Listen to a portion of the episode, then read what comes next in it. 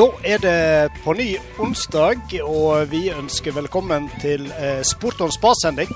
Og vi er faktisk eh, kommet til eh, sending nummer ni. Og vi kan vel si at vi, vi nærmer oss litt oppløpssida. Vi skal ha to sendinger til, så vi er vel på vei ut av siste sving. og tar fatt nå før vi skal ha to sendinger til i denne, skal vi si ja, det er vel sesong én. Det er det. Vi er vel eh, innstilt på at det blir mer sport on spas når vi kommer litt ut på seinsommeren, Frank.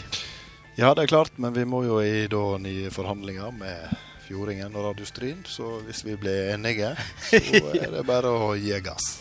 Ja, det er klart at det er ikke, det er ikke bare bare. Vi skal Vi må ha det på vår måte, og eh, vi skal jo òg ha med oss sponsor videre, håper vi. Og det er mye som skal på plass. Eh, Lydmann skal vi ha med oss. Og Ja. Det er et stort apparat som er i sving når Sport og Spas eh, går på lufta. Men eh, veldig kjekt. Sending nummer ni, som sagt. Og eh, i dag eh, så eh, har vi eh, jeg, vil å si det er litt sånn oppstryn hand i hand med Liverpool-sending. Eh, vi har noen eh, fellesnevnere òg der. Annet en av gjestene som kommer. Han er vel både Liverpool-supporter og oppstryning. Ellers så eh, skal vi ha spillende trener i oppstryn på besøk. Og så må vi jo snakke litt Liverpool i Blodfen-spalten. Det skjedde jo, skjedde jo store ting i går, etter det jeg har forstått. ja. Skal du spørre oss hva vi har gjort nå i det siste? Ja, jeg tror jeg vet svaret hvis vi tar det i nær fortid. Men eh, Ja. du kan da få lov å fortelle, Thomas. Ja, nei, jeg greier ikke å tenke mer enn 24 timer tilbake i tid. Nei. I går var det jo Champions League semifinale. Og eh, det gikk jo holdt på å si ikke som det måtte gå, men du verden, Liverpool vant. Det er det, største siden Istanbul. eh, Det er min påstand, eh, Frank. Ja, Vi satt og snakket litt om det i stad, men i og med at Istanbul var en finale, så henger jeg den et lite hakk høyere. Ja. Men den kampen i går, det var, det var spesielt, altså. Å ta igjen eh, 3-0 på Barcelona, det hadde jeg ærlig talt ikke trodd. Du har alltid et lite håp, men eh, fytt i grisen, hvis det er lov å si på radio, for en kamp. Det er lov å si. Og det må da ha vært litt morsomt for nøytral òg, tenker jeg. Ja. Men i forhold til Liverpool og Oppstryn, da, så syns jeg det er fint at eh, topp og bredde kan gå hand i hand i vårt program. Det er vel egentlig eh, sport og spas i et nøtteskall, Ja. eh, velger jeg å si. da, At vi klarer å kombinere litt uh, disse tingene. Når vi er inne på hva vi skal ha i denne sendinga, så må vi jo ikke minst nevne kveldens eh, hovedgjest som eh, kommer på besøk.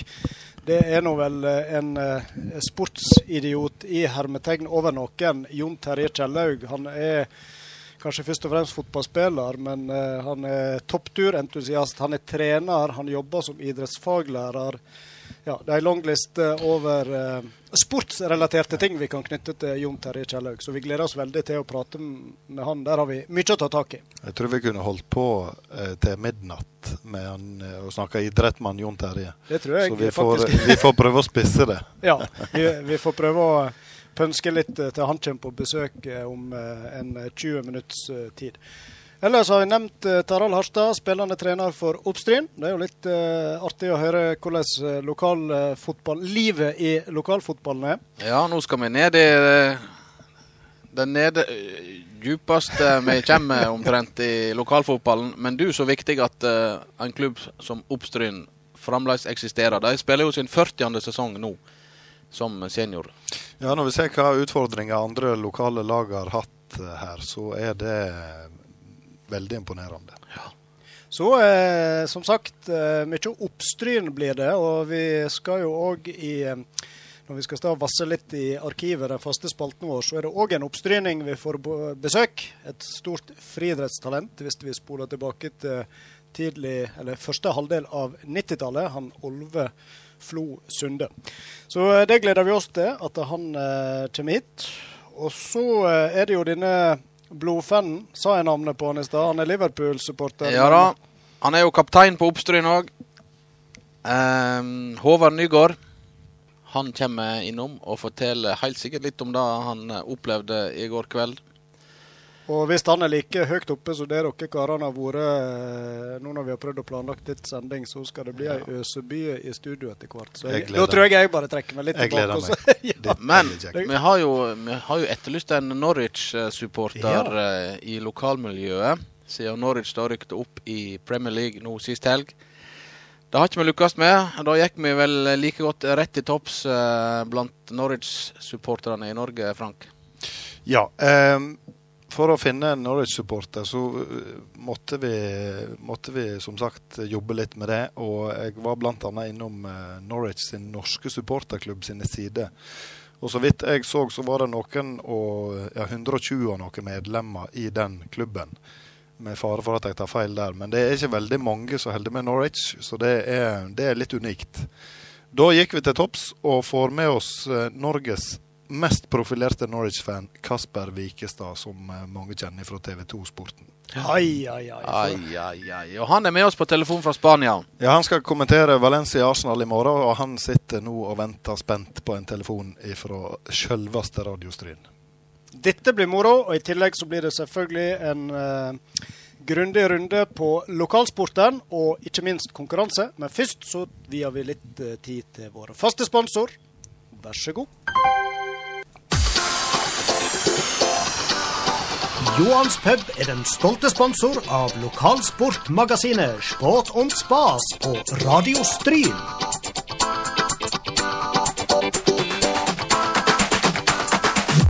Og på Johans pub der kan du få med deg Champions League, Premier League og FA-cup på storskjerm. Annenhver fredag kan du òg teste kunnskapene når puben inviterer til quiz. Datoer og utfyllende program det finner du på Facebook-sida til Johans pub.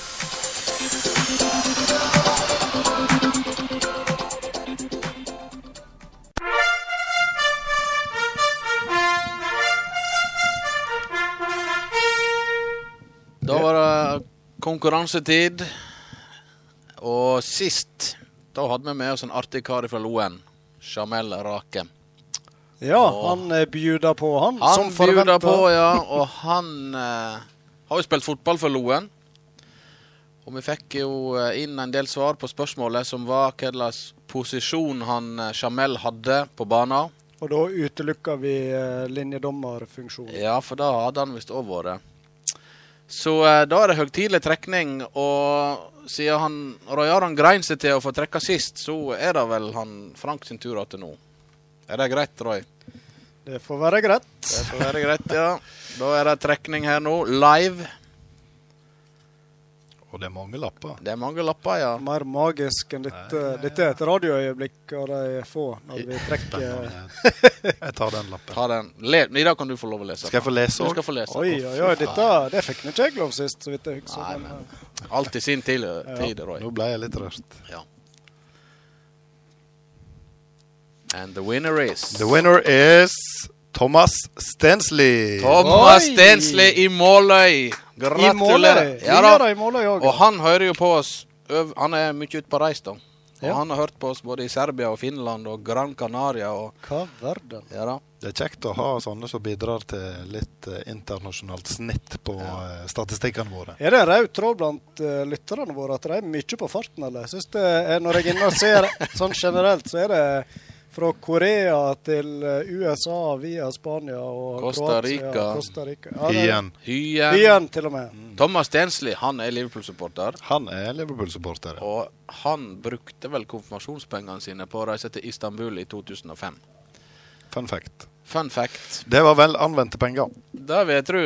Da kan iallfall han glede seg til å få den eh, helt spesielle T-skjorta vår. Og vi går jo mot eh, sommer med stormsteg, og er vel snart ferdig med en liten kuldeperiode nå, så da er det bare å trekke på seg Sport on Spas T-skjorta og sprade i gatene. Men da må jo eh, folk eh, følge med utover sendingen, for eh, på slutten så kommer dagens spørsmål. Det gjør det. Så da får vi pønske litt langs med hva det skal ende opp i. Men nå eh, skal vi ha vår eh, faste runde på lokalsporten. Oppsum- tar, en liten ting før det. Ja. Det Eh, du du spurte han, du spurte han Thomas hva han hadde gjort på i det siste, men du glemte å spørre meg. Nei, nei, nei, nei. Ja, Ja. selvfølgelig. Du òg skal jo få lov å dele. Ja, det, var, det er to ting, da, eh, så jeg husker sånn i farten. Eller tre. Jeg var i en konfirmasjon i Bergen, som var veldig hyggelig. Eh, jeg så en kjempebra kamp i går. Mm. Og jeg var på do rett før sending. Det- Med veldig knapp tidsmargin. Ja. Og når du Det er da et høydepunkt, eller? Nei, det var det jeg kom på som jeg hadde gjort oh, ja, siden du sist. har gjort siden sist. Ja. Ja. Så, eh, men eh, til tross for at eh, jeg normalt sett ville brukt litt lengre tid på det toalettbesøket, så nådde jeg da sendinga. Kanskje fordi jeg gikk på toalettet uten telefon. Ja. Nei, men det setter vi pris på, at du eh, prioriterer å være med på sendingene våre. Så.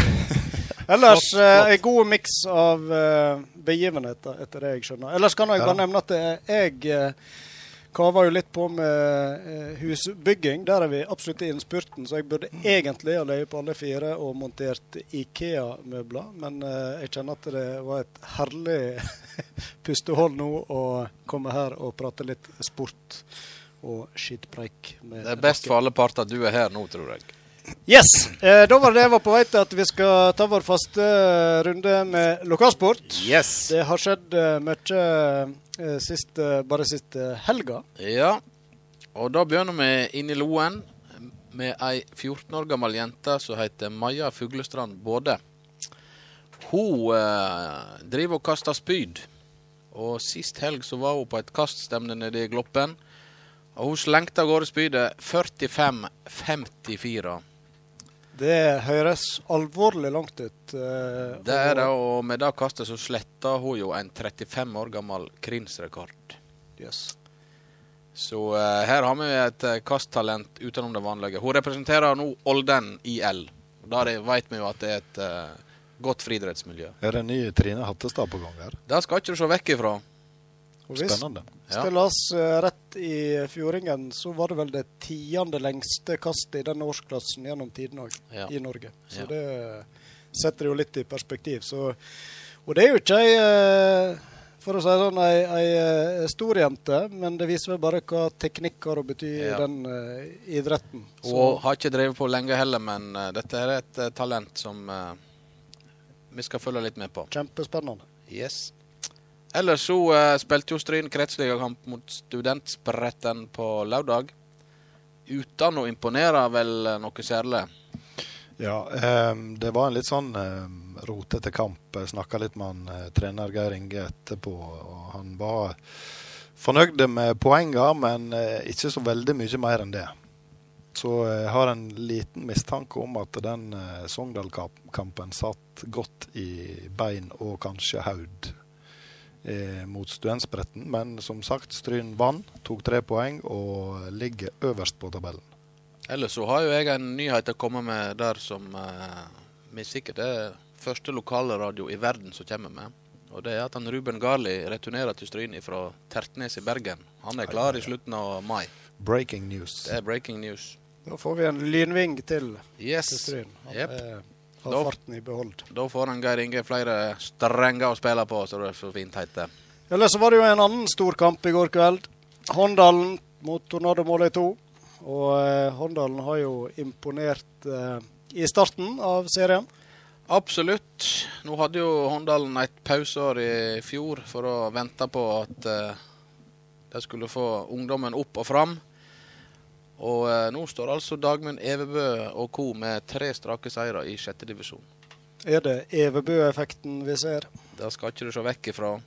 Det er, men de har et ungt og, og et bra lag, tror jeg. Så de eh, Det er imponerende med tre strake for Håndalen, altså. Ja.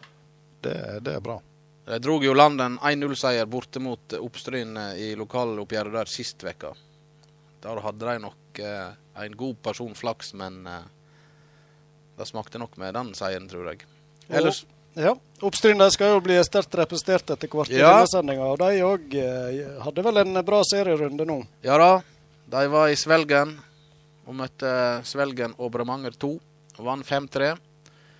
Og uh, Det var ikke dobbeltkamp. Det var ett lag. Svelgen ja, det er Svelgen slash Bremanger 2. Det er. Det er mye eh, slike lag nede i divisjonene. Men kveldens, en av kveldens gjester, Tarald Harstad, skåra jo tre mål. Ai, ai, ai. Og Håvard Nygaard to. Så eh, det passer jo godt at de kommer hit i kveld. Perfekt. Ellers var det jo Nordfjord Cup i håndball, 9 til 11 år. Der eh, gikk det føre seg med kamper fra seint til tidlig. Her var ikke det noen pokaler som ble delt ut, men uh, veldig bra at det var så mange lag som stilte i Nordfjord Cup. Mm. Og dette var vel helg to. De var vel i sving, eh, de eldste, Ja, forrige helgen. ja. Da var det litt færre lag som var med, men uh, blant de aller yngste så uh, ser det bra ut.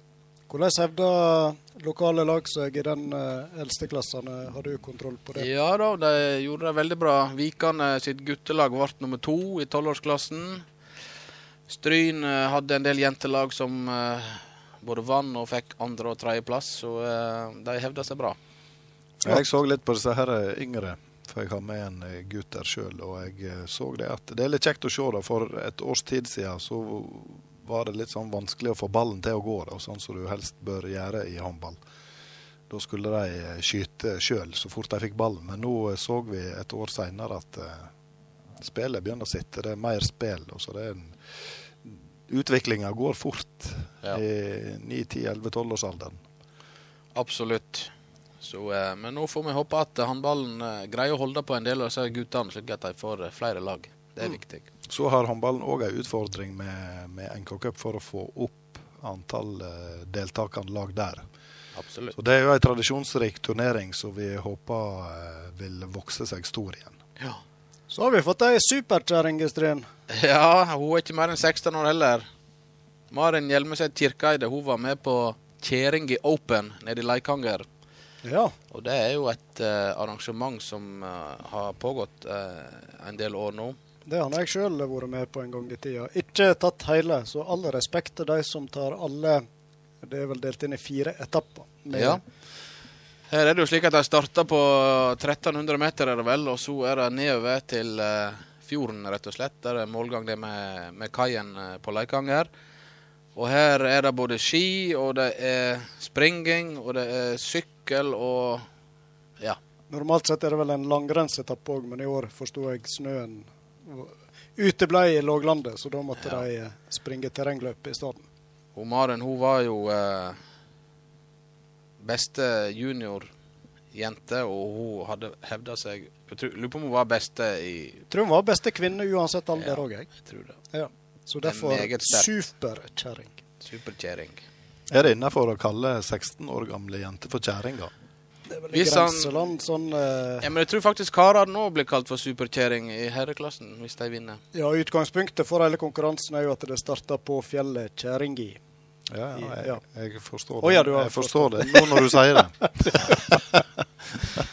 Så Jeg er måtte bare være helt sikker på at vi hadde en felles forståelse for navnet. Så, Yes. ja. Veldig bra. Ellers, vi må ikke glemme det store friidrettsstevnet på stadionet i går. Jarle Lødemel og co. samla jo 120 unger til 100 meter og 60 meter og lengde og terrengløp og svære greier. Et meget godt gjennomført eh, arrangement. Og eh, Dette var vel i regi av Friidrettsgrensen òg. De har litt satsing nå på rekruttering og tilrettelegge for eh, lokale stemner rundt om Ja. i fylket. Du var vel der òg, Frank? Ja da, jeg var til stades. Jeg fikk æra av å være løypevakt Ja. under terrengløpet, så eh, det var et uh, Ikke under 60 meter. Der trengs det vel ikke løypevakt. det, det går stort sett greit. Ja, og rett fram. Ja. Eh, men et uh, veldig komprimert og godt gjennomført stevne, som du sier, Thomas. Det var masse påmelding. 120 unger som var med. Så han eh, Jarle oppe i spikerbua han hadde mer enn nok å holde styr på de eh, to timene han, eh, han holdt på der. Men eh, det klarte de fint, og ungene hadde det veldig kjekt. Ja. ja. Da var vi i mål med lokalsporten. Da skal vi snart få hovedgjesten i studio. Men eh, mens vi gjør et lite sånn sceneskifte, så spiller vi eh, selveste Bruce Springsteen. Og han eh, sier som Sissel Renati i Heimevernet I'm on fire. Ai, ai, ai. Ai, ai. Det var brusende med I'm on fire. Da har vi fått uh, selskap i studio her av uh, ja, kan ta reglene igjen fra i stad. Det er fotballspiller, og det er trener og idrettsfaglærer. Toppturentusiast, Manchester United-supporter, og det er sikkert mer vi kan nevne. Det er mange sportsrelaterte uttrykk iallfall å koble til deg, Jon Terje. Velkommen i studio. Takk for det. Jeg var litt freidig og kalte deg kanskje nærmest vi kommer en sportsidiot i hermetegn, vel å merke. Syns du det er en grei eh, tittel? Ja, jeg liker å være, akt, liker å være aktiv, det, det, gjør jeg. Men det, det, er sånn da vi blir gammel, så sakner en konkurranseelement. Og da er en nødt til å finne seg noen nye alternative aktiviteter. Ja, for fotballen er nå vel, er nå vel liksom først og fremst idretten din. Det er vel ikke feil å si? Ja, det har det vært i sånn konkurranseøyemed. Eh, trodde det skulle være helt greit å legge vekk fotballen, men det, det var vrient, altså. Mm. Blir det noen offisielle kamper i år òg? I år blir det ingen offisielle kamper. Ja, Tør du banke i bordet på det, eller? Vi kan slå hardt, alle fire. Det er, er, det første sesongen som til felles siden du begynte å sparke lærkula? Jeg tror jeg har én sesong til jeg ikke har uh, vært innom. Hva gjorde det? Uh, jeg er litt usikker. Eh, jeg, jeg, jeg, jeg, tror kanskje det første året Johan var trener igjen, nå i siste periode Fikk ikke du spille? Nei, da, jeg smiska på kontoret på jobb, men det gikk ikke. ja. Hadde du et hvileår da, eller hva det var for noe? Jeg hadde nok det sikkert òg, ja. Tror nok det. Det er fortrengt. Det er fortrengt. Ja. Det var et dårlig år. Få det vekk. Få det vekk. Jeg, jeg, tenker da, når Geir Inge ringer i 18. serierunde og trenger venstreback, da Nei, i år er de godt skulerte. Det er mye ungt og godt som kommer opp i Stryn fotball, så nå, eh, nå må vi gi plass til de som eh, er framtida her. Ja. Men eh, nå hadde vi jo Sogndal på besøk her i cupen sist uke. Og du var jo sentral på laget i 2007, som da slo ut Sogndal. Ja. Nå har du vel sagt til meg i ettertid at ikke du ikke husker så mye av den kampen? Nei, Jeg eh, fikk sett noen bilder igjen etterpå, så da, eh, da, kommer det litt tilbake. Jeg er litt sånn at jeg, jeg er forferdelig dårlig på å huske resultat og uh, disse her happeningene. Jeg husker mer den, den gjengen vi var, på en måte. Ja. Så eh, akkurat selve kampene, der er det mange som går meg en høy gang i forhold til å huske det. Hvem var gjengen på den tida, husker du? Ja, akkurat på 2007, da var det jo en litt sånn ny gjeng inn igjen. Det var det. Da var, det, da var vi av de eldre etablerte. Allerede da? Allerede da, ja. Og det er tolv år siden. Ja, det er tolv år siden. Allerede passert de 30? Ja, da hadde vi bikka de 30. Og det er ikke så mange som uh, spiller fotball når de er 30 nå. Det er synd. Mm. Damer skal en ikke spørre om alder, men uh, hvor gammel er du blitt nå? Oi, oi, oi, må vi til å regne. Nei, jeg blir vel 44 det året her. Ja. Og det å være aktiv helt fram til i fjorårssesongen, det, det har føltes greit? Eller merker en det når en er blitt 43, da, at uh, det er ikke helt som det var når en uh, svinger rundt som 19-åring, kanskje? Jeg håper dere merker det. ja, det. det. er vel som meg som alle andre. Hodet ville, men kroppen var slett ikke med hele tida. Og jeg merka det at det, det tok lengre tid å, å, restituere seg og komme seg etter kampene. Det, og det hadde nok med at jeg ikke trente så mye fotball som vi gjorde i, i gamle dager. Men du, ja. Jeg eh, så jo mange av disse kampene som du spilte senest i fjor. Og det er vel ikke å ta hardt i at du var en sterk bidragsyter Eh, så seint som i fjor? Nei, det, det gikk eh, overraskende bra. Det, det gjorde det. Eh, han flytter på, flytter på rutinen. Ja. Det funker, det, altså. På rett plass til rett tid? Ja, så plasserte nå Geir Inge meg litt på en posisjon som jeg ikke har spilt, så jeg skal jo ærlig innrømme oh, ja. at jeg, jeg, tror jeg hadde gått en del runder mer opp i hodet mitt eller en del andre i forhold til situasjoner som kunne oppstå jeg gjorde alt jeg kunne for å hindre å komme i reine løpsdueller med disse her uh, ungkalvene som for utpå der og sprang. Men det som var uh, jeg oppfatta som en del av fordelen med å ha deg med det, ja, senest i fjor, da, det var jo det at du prata mye og eh, var flink å rettlede de yngre spillerne på laget. Så det òg er jo en dimensjon som er, er positiv å få ja. inn i et lag. Ja, og det var jo litt den rolla jeg måtte ta der. for det fysisk og eh, på en del andre områder så tar disse her meg, men jeg kan bidra med den rutinen som jeg har, og prøve å påvirke de andre til å bli enda tryggere. Ble det mye Jon Terje Kjellaug for en del på laget? De har vel liksom lærer òg ellers? Ja, eh, Plutselig sto du og rettleda dem ut på barnehage, eller? Eh, ja, Det merka ikke jeg noe som helst, det. Men eh, jeg tror han Johan kjente en god del på det da han var både trener og lærer. liksom sånn. Så det, det ble mye, mye kontakt. Ja. Vi har jo annonsert denne sendinga som eh, en blanding av Liverpool og Oppstryn Fokus i dag, da. Og du er jo oppstryning, egentlig. Ja. Ja. Selv om du i Stryn nå. Så eh, var det Oppstryn det begynte på, da, eller var det altså, fotballen, tenker jeg? Ja, fotballen begynte i Oppstrøm, men jeg tror ikke jeg spilte obligatoriske kamper før jeg var 13 år. Nei vel. Eh, fotballen i Oppstrøm var Vi var vel litt med på Fjordingen Cup i eh, de dager, da de var i Halland. Eh, jeg har aldri spilt utendørs i Fjordingcupen. Det som egentlig var det vi drev på med når vi var unger, det var organiserte friidrettstreninger. Og så spilte vi fotball og en del annen aktivitet på fritida. Ja. Men den eh, fotballen i Oppstryn, da, mener du da at det var ikke organisert Du hadde ikke organisert fotballtreninger før du kom til Stryn som smågutt-guttespiller? Nei. Vi, eh, oppvarminga på friidrettstreningene var fotball. Ja.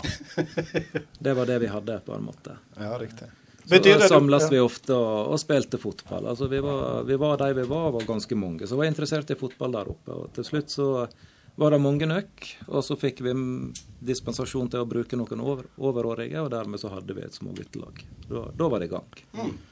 Du nevner jo friidretten, og sånn som jeg oppfatter deg, så er du jo veldig opptatt av dette med allsidighet eh, i treninga fortsatt òg, eh, stemmer ikke det? Ja, det stemmer. og det er jeg tror det er synergi, synergier mellom all, all, aktivitet som du er i. Spiller de håndball, så har de synergier over mot fotball. Er de på friidrettstrening, så får du det fysiske i bunnen her. Det, det, det, er viktig. Få inn gode vaner fra ung alder. Være mest mulig allsidig, være i aktivitet. Jeg vet ikke om du Roy Aron eh, sa det i introduksjonen, men han Jon Terje og han Jarle Lødemel eh, sto i spissen for disse her basistreningene som gikk en gang i veka i løpet av vinteren òg. Det nevnte jeg ikke. det, det nevnte ikke du, nei. Så det er, er, er jo et uh, tiltak som du var med å dra i gang, som òg uh, har med allsidighet å gjøre. Ja, det har med allsidighet å gjøre. I alder og aktivitet. Mm. Der er det unger og trener sammen med foreldrene sine. Sånne typer tiltak er det som Det gir deg energi.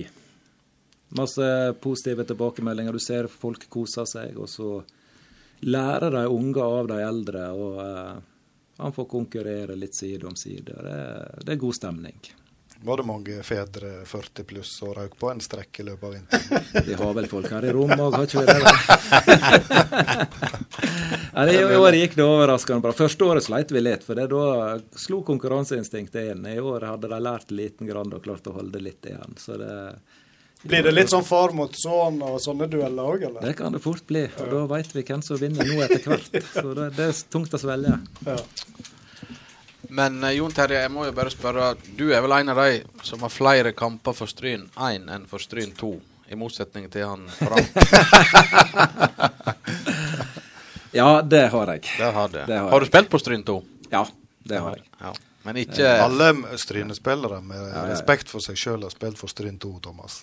Sånn er det bare. Er det det som kalles ja, ja. restitusjonstrening, eller? Nei, slett, slett ikke. Tvert imot, jeg, kanskje. Jeg har spilt min farligste kamp ute på Flatrakja noensinne, så det, ja. det er tøffe tak. Ja. Men du kunne ikke tenkt deg å avslutte i moderklubben eh, da du oppstryn?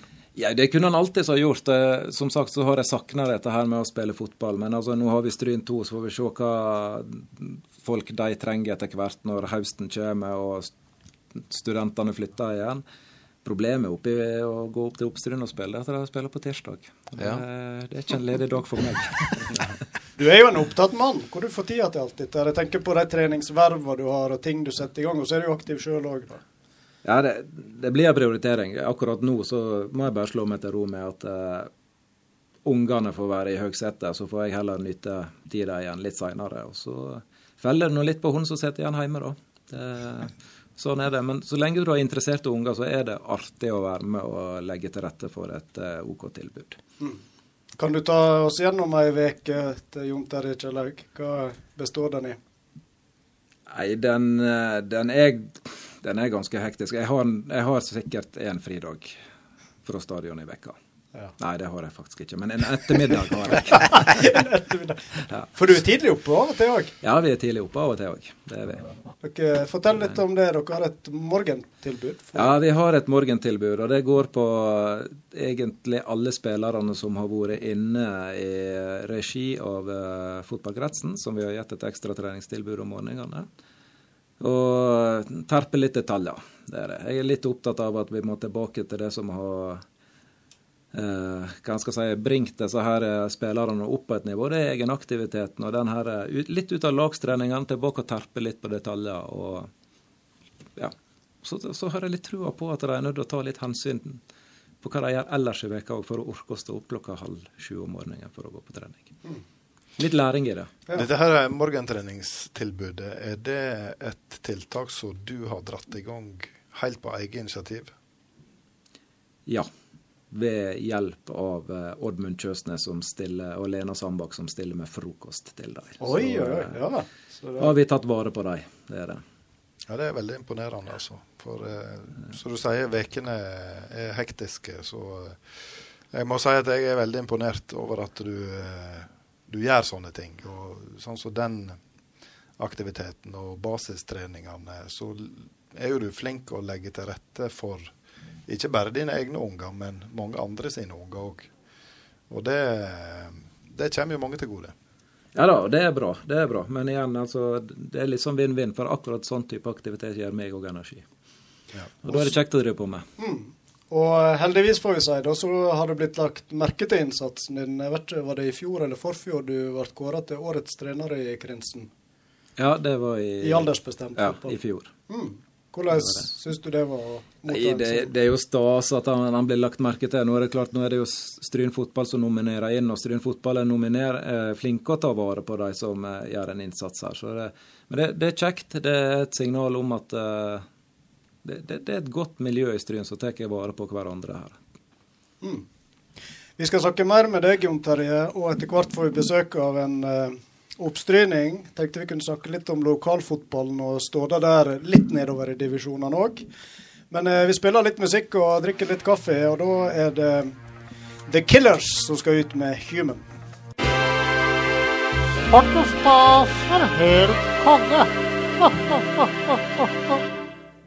Da har vi fått eh, enda et besøk i studio. Velkommen til deg, Tarald Harstad. Takk for det. Ja, og du òg kommer rett ifra eh, seier for Oppstryn. Ja, vi fikk oss endelig en eh, seier i går. Vi har jo en uh, tremålsskårer i studio. Det har ikke vi hatt før. Nei, Ja, er det første? Ikke så fersk. Ikke så fersk som det her. Var det hat trick òg, eller? Ja, det var treball. Oi, oi, oi. Så det Nei, det var på tide at vi fikk oss en seier nå. Ja, de har jo hatt eh, to tap i sesonginnledninga, deriblant et sviende 0-1 mot uh, lokalrival Håndalen. Ja, det er ikke noe kjekt å eh, Snakke om. Har de- Nei, ikke det egentlig. Rippe opp igjen i det, men eh, Nei, men det svir selv om du spiller i sjette divisjon. det gjør det altså. Du, eh, du går egentlig og irriterer deg over det i flere dager etterpå, selv om det er i sjette divisjon. Ja. Men uh, i går kom seieren over Svelgen og Bremanger. Det gjorde den. Så nå, det, nå ser de oppover på tabellen. Ja, det er nå det vi eh, må gjøre, egentlig. Vi føler vi har hatt mye å gå på egentlig alle tre kampene til nå, så vi må egentlig bare prøve å komme i gang og få rada opp seire nå, sånn Ja. som vi gjorde i fjor. Ja, for i fjor hadde de jo sett de vel rekord med elleve strake ifra start. Ja, vi gjorde det. Eh, det flaut godt eh, i fjor. Litt eh, tur hadde vi i enkelte kamper, og i år har vi kanskje hatt litt andre veien til nå, da. Ja. Men du, Tarald, kan du fortelle litt om no, hvor lenge har du vært spillende trener for Oppstryn? Ja, så er det. Um, jeg var trener en periode før jeg ble student òg, og så um, er det vel på Er det tre sesonger, da? Tre eller fjerde? Tida fyk i sjette divisjon, Ja, men har det kjekt. Ja. Og da er det vel på en lukrativ kontrakt? Det er helst dugnad det går i. Det går i dugnad, ja. Jeg får sponsa et, eh, et treningskort, eh, årskort i Oppstryn idrettshus. Verdi ja. av jeg lurer på om det steg til 1200 kroner nå i året. Oi, oi, oi. Så det er svimlende, svimlende summer. Det grenser til proffspill, dette her, skjønner jeg. Helt på grensen, ja. ja. hvordan er det, Hva er ambisjonene i Oppstryn? Er det, tenker en opprykk, eller er det mer å gjøre en god figur i divisjonen, og en er fornøyd med å være der en er? Nå takka vi nå for så vidt nei til opprykk i fjor, da. Så det er vel kanskje litt svar på spørsmålet òg. Vi er litt eh, litt for tynn tropp, egentlig, til å ha noe å gjøre i femtedivisjon, føler jeg. Så et par eh, par kamper i fjor. Stryn 2 mot Sandane så jeg iallfall. Greit når det var noe to bra lag, da, men eh, der er ganske stor forskjell på bare sjette og femte. Og så er nå dette med søndagskamper også ikke alle hadde vært like glad i. Men kan, kan det være en grunn til at uh, Oppstryn klarer å holde det i gang år etter år? At en, uh, en holder det på det nivået? Ja, det, det er det absolutt. Um, nå hadde vi nå Rett før jeg tok over, da var det litt kritisk. Um, så da var egentlig bare ambisjonen å prøve å få på plass ei spillergruppe, en stamme i laget, som kunne trene og være med på det som var kamper. Um, men så ser en òg sånn som han F.eks. Lars Gjørven, som meldte overgang fra Stryn fordi at han heller vil ikke bruke så mye tid på fotball. Um, Håvard Nygaard kunne kanskje hatt noe å gjøre på Stryn, men heller vil bruke litt mindre tid på fotballen. Erik Vistrox. Ja, han òg, absolutt. Så at det blir litt mer på det nivået der en ikke binder seg veldig mange kvelder i veka og Har helgene fri, da. Ja. Så Nå har vi jo med han, han er Jon Terje her òg. Hva du tenker, er det bra vi har sånne klubber som Oppstrynd, som kan være et tilbud for disse som ja, kanskje ikke har lyst til å bruke hver dag på fotballen, da, men syns det er kjekt? Det er kjempeviktig. Og, det, og det er jo en plikt som Stryn har òg, og det er å prøve å opprettholde fotballaktiviteten i hver bygd rundt om her. Ja. Så det ideelle situasjonen hadde vært at både Oppstryn og Loen hadde, og Håndalen hadde hatt lag hele veien. Det var jo kritisk i fjor uten lag i Håndalen og eh, Loen Vikane. Ja. Og det var kun Oppstryn som eh, stilte lag utenfor Stryn sentrum. Og dette har vel endra seg litt. Eh, La oss si når du var ung inne i fotballen, da var det vel stort sett lag i alle disse bygdene vi nevner her, Vikane og Ja, ja, ja. Loen og Håndalen. og- Og det, det er litt sånn at uh, når vi var unge, da Høyre så lenge siden jeg er. Folk, Gamle dager. Gamle dager. Nei, men da, altså, folk spilte fotball lenger. Da har du flere å ta av. Nå gir folk seg veldig tidlig, og det er, det det er skrint med fotballspillere når du kommer opp i, i 20-åra. Og det merker Oppstryn, det merker Håndalen, det merker Loen.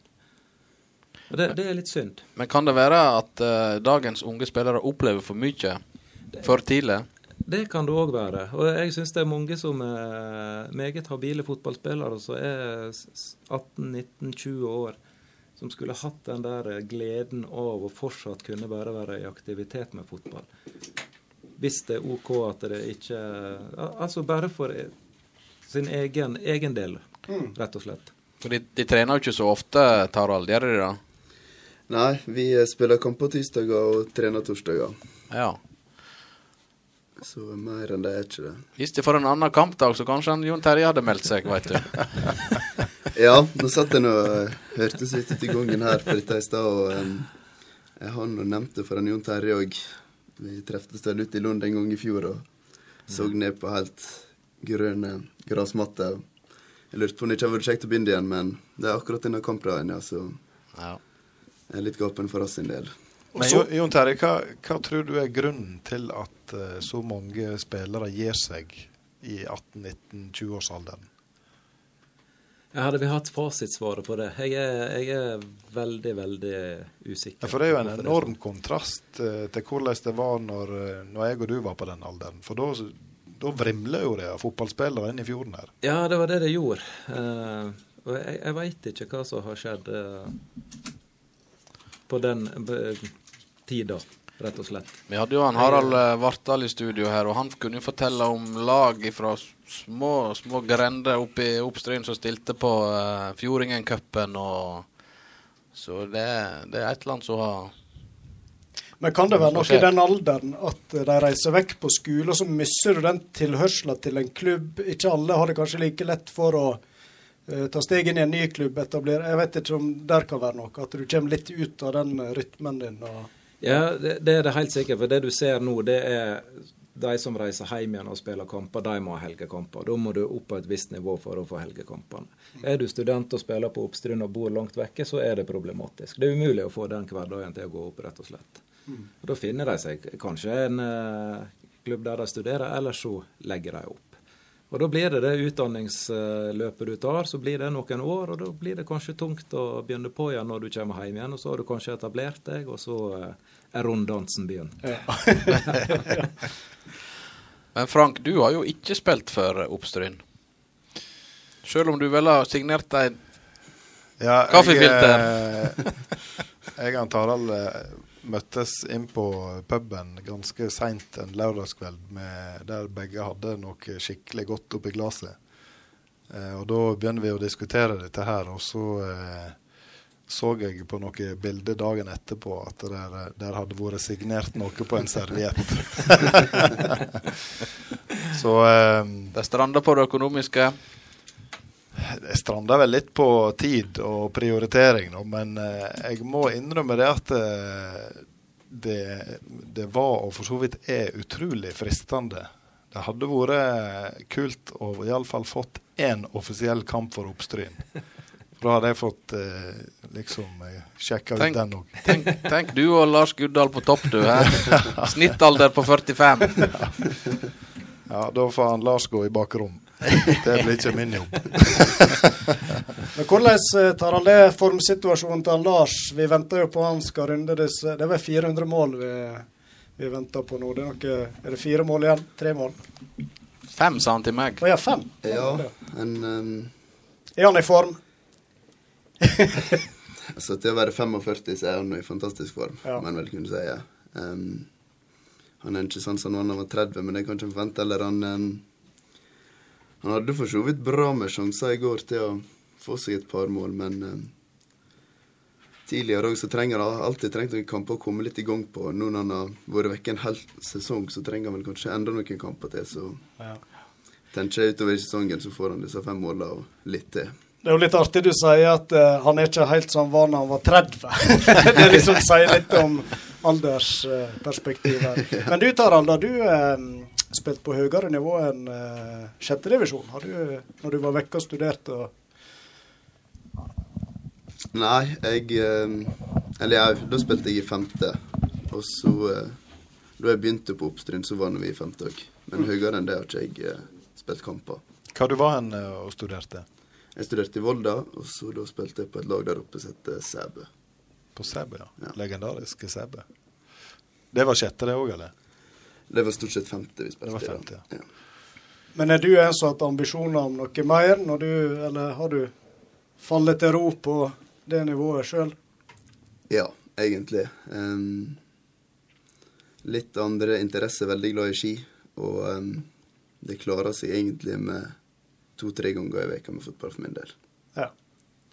Um, Og så ser du litt på fotball, kanskje òg? det blir noen kamper i veka. Det blir det. Men du var ikke blant de som ropte høyest i går kveld, forstår jeg? Nei, jeg satt jeg i eh, bil hjemme fra bortekamp med to Liverpool-supportere som streama kampen på telefonen, så det var helst de som sto for ropinga, ja. Ja. Men jeg forstår det, Jon Terje. Ja, dere to, vi kan jo røpe det. Det er jo Manchester United på begge to her. Og du klarer nå å glede deg over en Liverpool-opptur, selv om det er rival ellers. Ja, jeg, jeg veit jeg blir halshogd av United-supportere her nå. Men uh, altså, jeg, jeg er ikke noe sånn fanatisk nå. Det var jeg i ungdomsåra. Uh, nå gleder jeg meg over god fotball, og jeg syns Liverpool er fantastisk på tida. Og jeg har ingen problemer med å innrømme det. Det er divisjonsforskjell på det de driver med, og det United driver med, og da, da får han bare kose seg med god fotball. Dette fikk du på teip. Yes. Da var det veldig trivelig å ha besøk av dere i studio og litt fotballpreik. eh, Og så eh, håper vi at det går eh, rette veien med oppstrid nok for mange oppturer på Lund stadion og bortebane òg. Og så blir det noe spennende å se om det kanskje lurer seg til en liten kamp på Stryn 2, om ikke annet, for Jon Terje. Så har vi tusen takk for besøk i, i studio. Takk for det. Da skal vi eh, få en ny gjest eh, som er på vei inn. Han Olve Flo Sunde. Eh, imens så spiller vi musikk med eh, Sigrid Sucker Punch.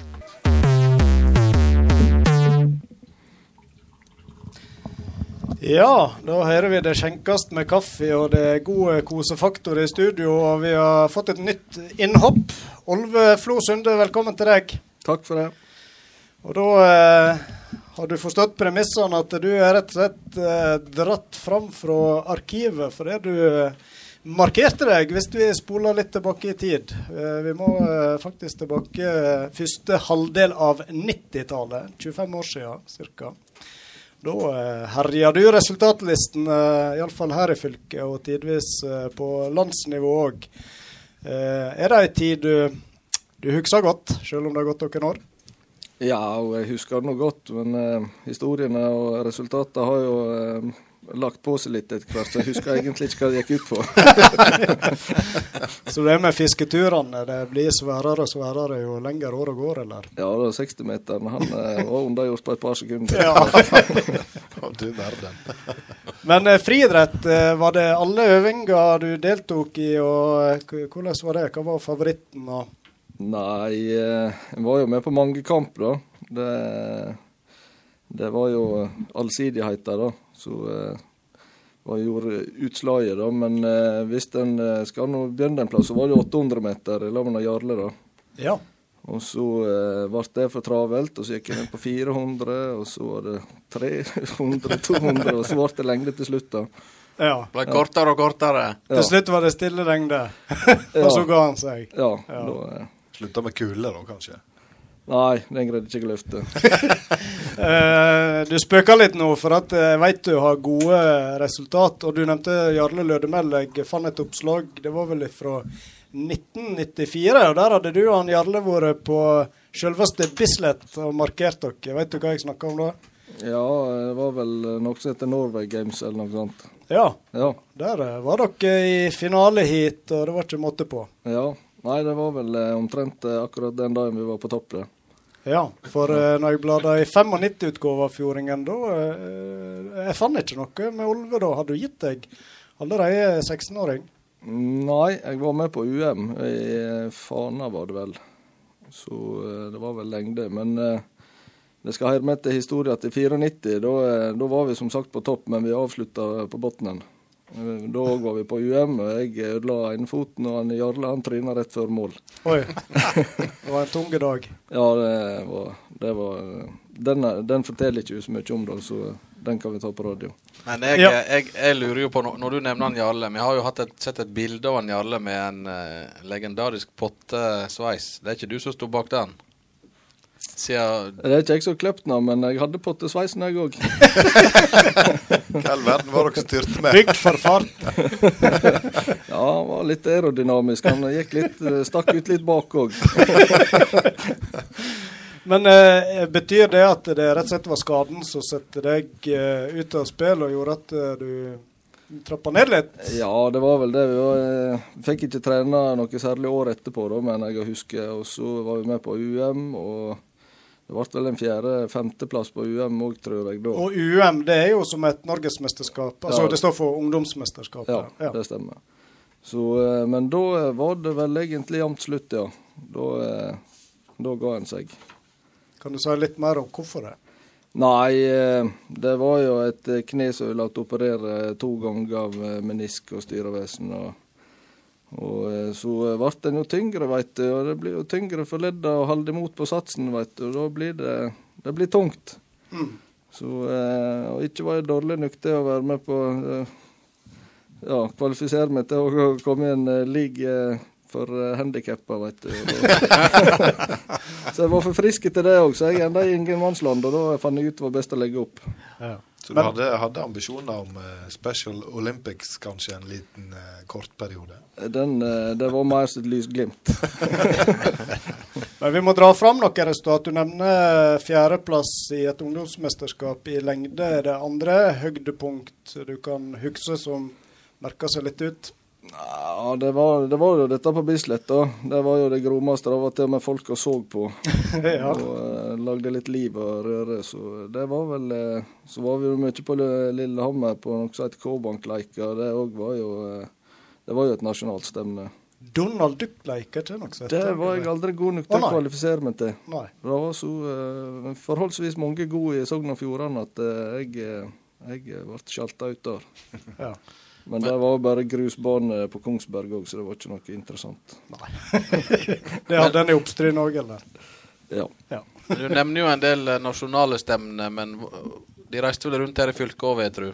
Ja, det Vi reiste egentlig hver eneste helg da det var eh, stevne, så det var eh, Det var alltid fra Lund i Oppstryn til Vikane, til Breim og Førde og Flor og Ja. Ja. Så Lillehammer, Oslo, Kristiansand, Bergen. Ja, det var vel eh, stort sett alle plasser det var tartandekke var vi. Ja. Så, sommersesongen, den, den gikk eh, Altså, det gikk nesten hver helg, da. Hele sommerhalvåret. Ja da, jeg kan ikke huske at det var noen form for sommerferie, sånn som i fotball. Så det, de strever litt mer. vi begynte litt i feil ende da, med at når tid du ga deg og sånt. Men kan du huske litt eh, hvordan begynte det, og hvordan oppdaga du at du hadde et talent for, eh, for dette her? Da var jeg vel såpass ung at det var en andre som oppdaga det framfor meg sjøl. Men eh, nei, jeg veit ikke. Det var begyntes med at en var med til Lunde. Jeg hadde mye søskenbarn som var med på friidrett. og Så ble jeg med opp til Oppstryn, og så var jeg med litt der. Og så var det noe terrengløp, annet sammen med deg. Når du var Så med. det òg, ja. Når du, ja, i Olden. Ja, ja, Ja, ja, ja. da. Vi er omtrent like gamle. så- Ja, det er ikke mye om å gjøre. Så, eh, men eh, det ble jo det ble jo tungt å stille til mål, for jeg lot stille i en klasse over. For det at jeg var ikke gammel nok. Og så så jeg du og han Jarle var der, og Odd Rune Flo var der, og da var det jo dødsdømt. Og da, det var da eh, vi bidro til at det ble kortere distanse, eller? Ja. det gikk iallfall 100 km. Ja. Hva tid eh, hadde du eh, på Sprang du 100 meter, eller var det 60 meter stort sett? Nei, det var, eh, det var eh, 60 meter fram til en var 15, var det det da? 14. Og da la en over på 100 meter. Husker du tiden ennå? Nei, som sagt, eh, nå har jeg klundra såpass med historie at jeg husker faktisk ikke tiendedeler. men- Mener du det? ja, jeg har ikke peiling. Jeg trodde det var sånn som så spikra seg, liksom Nei. 7-2 på 60 meter, eller hva det nå måtte Nei, det var plasseringene det gikk på. Oh, ja, Tidene, det var vel eh, bortimot eh, uinteressant, annet enn skulle inn i Tyrving-tabellen og lese av. Passerte du disse magiske 1000 poengene? Husker du det? I lengde var jeg vel over, eh, over 1000 poeng et lite stykke. Ja. Ja. Og da, da har du et høyt nivå, når du ligger og snuser på 1000-poengeren og kanskje passerer den. Jeg tror kanskje jeg hadde noe på 800 meter òg, ett år. Men Men fortsatt husker ingen tider. Nei, eh, eh, 60-meteren, den, den veit jeg faktisk ikke. 100-meteren den er jeg veldig usikker på. Lengde det husker jeg var over 6 meter. Og, Oi. Og eh, 800 meter, det var 2,10 samme hvordan jeg gjorde det. To ja. Det er jo bra tid når du snakker om 15-årsalder, iallfall. Og Ja. kanskje det var før det òg. Nei, det husker jeg ikke. Nei. Det var 2,10. Det var, uh, uansett hva en sprang og la opp løpet, så ble det 2,10. Ja. Ja. Du er, fra, er det Veslebygda eller er det Flo? Eller Jeg har vokst opp på Flo, ja. vokste opp på Flo, og så deltok du, representerte du Oppstryn. ja. Mm. Var det et uh, friidrettsmiljø på den tida? Eh, Ja, det var vel eh, for så vidt det. Det var vel, eh, det var vel ganske mye større enn sånn sju-åtte-ti år før da. Så det var vel litt sånn synkende da. Mm. Så eh, hvis i vår sin, rundt vår sin aldersklasse så var det vel stort sett jeg og Jarle. Vi kjørte Håndalen og trena sammen med han to-tre ganger i veka. Ja. Og, så det var vel like mye kameratskap da som gjorde at en drev på, så, så eh, ja. resultatene. Men Følger du noe med friidretten i dag? Noe Ja, eh, ikke sånn at jeg sitter her må ha med meg alt, da, men jeg ser at eh, vi er jo bedre på et nasjonalt nivå eller vi var akkurat da. da. Det var ikke så galt på nasjonalt eh, eller internasjonalt nivå da. 94, 5, 96 var det vel gromåret? Ja, det var jo ved Bjørn Rodal og alle disse der. Moen. Geir Ja. Moen, ja. Ja. Ja. Så eh, men hvis en skulle se litt statistisk på det, så eh, skulle det jo noe til at eh, en kom til å komme på et internasjonalt nivå, så en lot å stikke fingrene i jorda og se hva en hadde å hjelpe seg med, og så eh, måtte en eh, ta det derifra.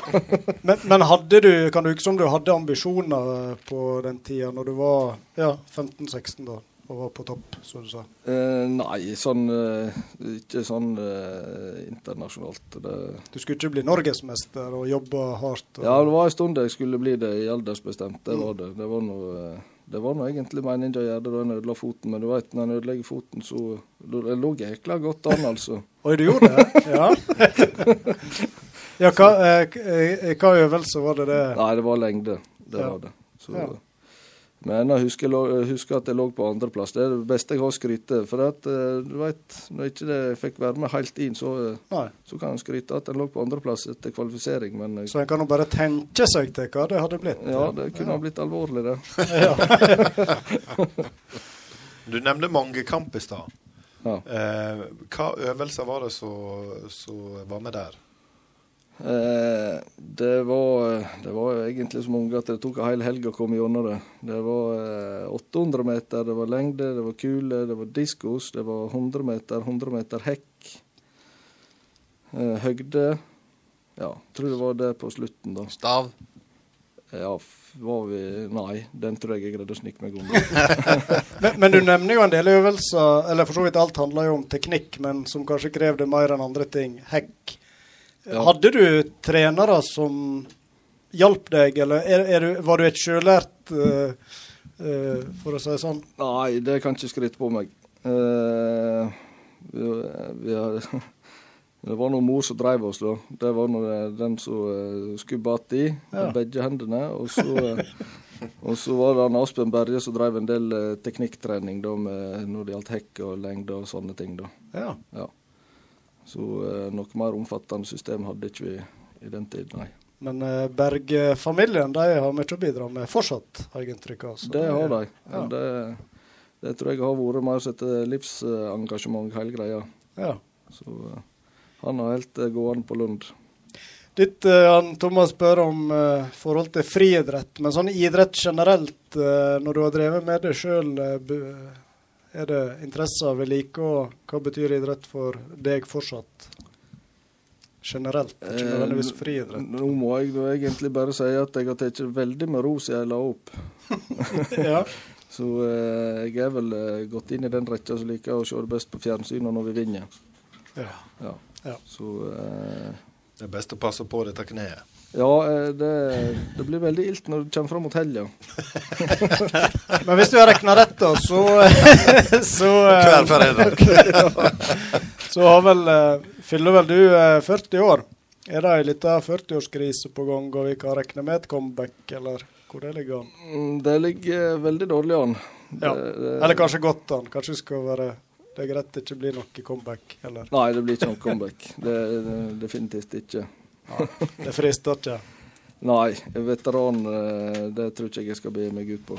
Er ikke det de tidene blir veteran? Jeg tror, det, jeg tror det er fem år siden vi kunne blitt det, sånn sett. Oi, da begynner vi å bli gamle. Veldig kjekt eh, du tok turen, Olve, og eh, mimra litt. Det er alltid like moro å se litt eh, tilbake. Og som du sier, resultatet de har et lag med å bli sværere og sværere, og det syns jeg de godt kan få lov å bli òg. Moro du tok turen, og så eh, må du ha ei eh, fin uke videre. Takk for det. Da spiller vi litt musikk. Selveste Bon Jovi, 'Runaway'. Og så skal vi eh, snart eh, ta en telefon vi til selveste Kasper Vikestad i TV 2-sporten. Jeg veit ikke fram eller bak på en ball, men sport og spas, da har jeg sansen for. Sport og spas, prat og fjas, moro Dette her er grådig stas. Sann. Ja, da er vi eh, kommet til spalten eh, vekas, eh, eller kveldens blodfan. Og i forbindelse med at Norwich rykka opp i eh, Premier League for et par runder siden her, så ville vi ha tak i en lokal Norwich-fan. Det viste seg å være litt vrient. Derfor gikk vi helt til topps og fikk tak i Norges mest profilerte Norwich-fan. Kasper Wikestad, er du med oss? Jeg er, eh, jeg er med. Eh, eh, kanskje du har rett. Du vet at eh, britiske ambassadøren til eh, Norge, han er Norwich-fan, han òg? Ja, han er det, ja. Men han har ikke, han har ikke vi hørt om. Nei, Richard Wood. Han er ganske nyansatt, men han er eh, han er, eh, han er ikke bare fan, han er ordentlig supporter Ja, men det av høres bra ut. som nye ambassadøren i Norge. Eh, Kasper, med, du er jo kjent fra TV 2, og, og de fleste sportsinteresserte kjenner jo deg derifra og fra andre jobber for så vidt. Og eh, du kommenterer jo forskjellige idretter. Eh, men i forhold til Norwich, hvordan, eh, hvordan ble Norwich ditt lag?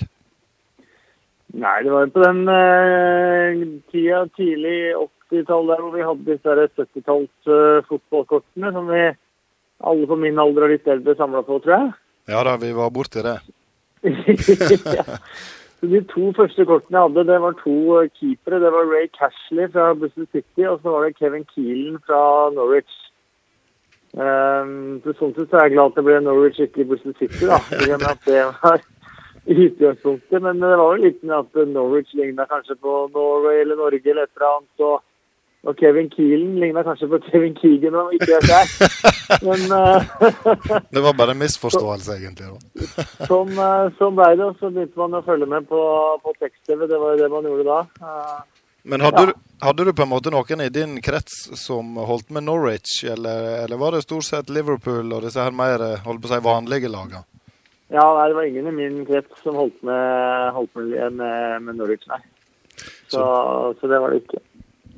Har du, eh, Kasper, har du, vært på, har du vært på Carrow Road? Det regner jeg med at du har. ja, jeg var første gang i 1987-88-sesongen hadde jeg min første kamp der. Norwich mot uh, Luton, og symptomatisk nok så leda Norwich 2-0 til det eneste tre minutter, og så ble det 2-2 da. Eh, men, eh, men det var min første tur til Carrow Road, så jeg, er inne, jeg er over det sånn med ujevne mellomrom, da. Var det, var det på den tid eh, Robert Fleck herja i Norwich-angrepet? Det var faktisk før Robert Fleck. Det var Kevin Brinkel som var på en måte min første store store favorittspiller i Norwich. Ja, Da. Kevin Brinkel ble solgt, så var det Robert Fleck som var hans, eh, var hans erstatter. Du vet da, Frank, at eh, Norwich var det siste laget som slo vårt lag Liverpool mens de fortsatt sto på The Cop. Ja, ja, Så det er siste målet der, Jeremy Goss. Jeremy Goss, ja, det er riktig. Foran eh, stående The Cop. Ja, det stemmer. Ja da. Eh, Men du Kasper, du, eh, du har jo altså annet jobba eh, i restauranten på Hotell Cæsar Cleo. Eh, det er jo en litt fin ting å ha på CV-en sin.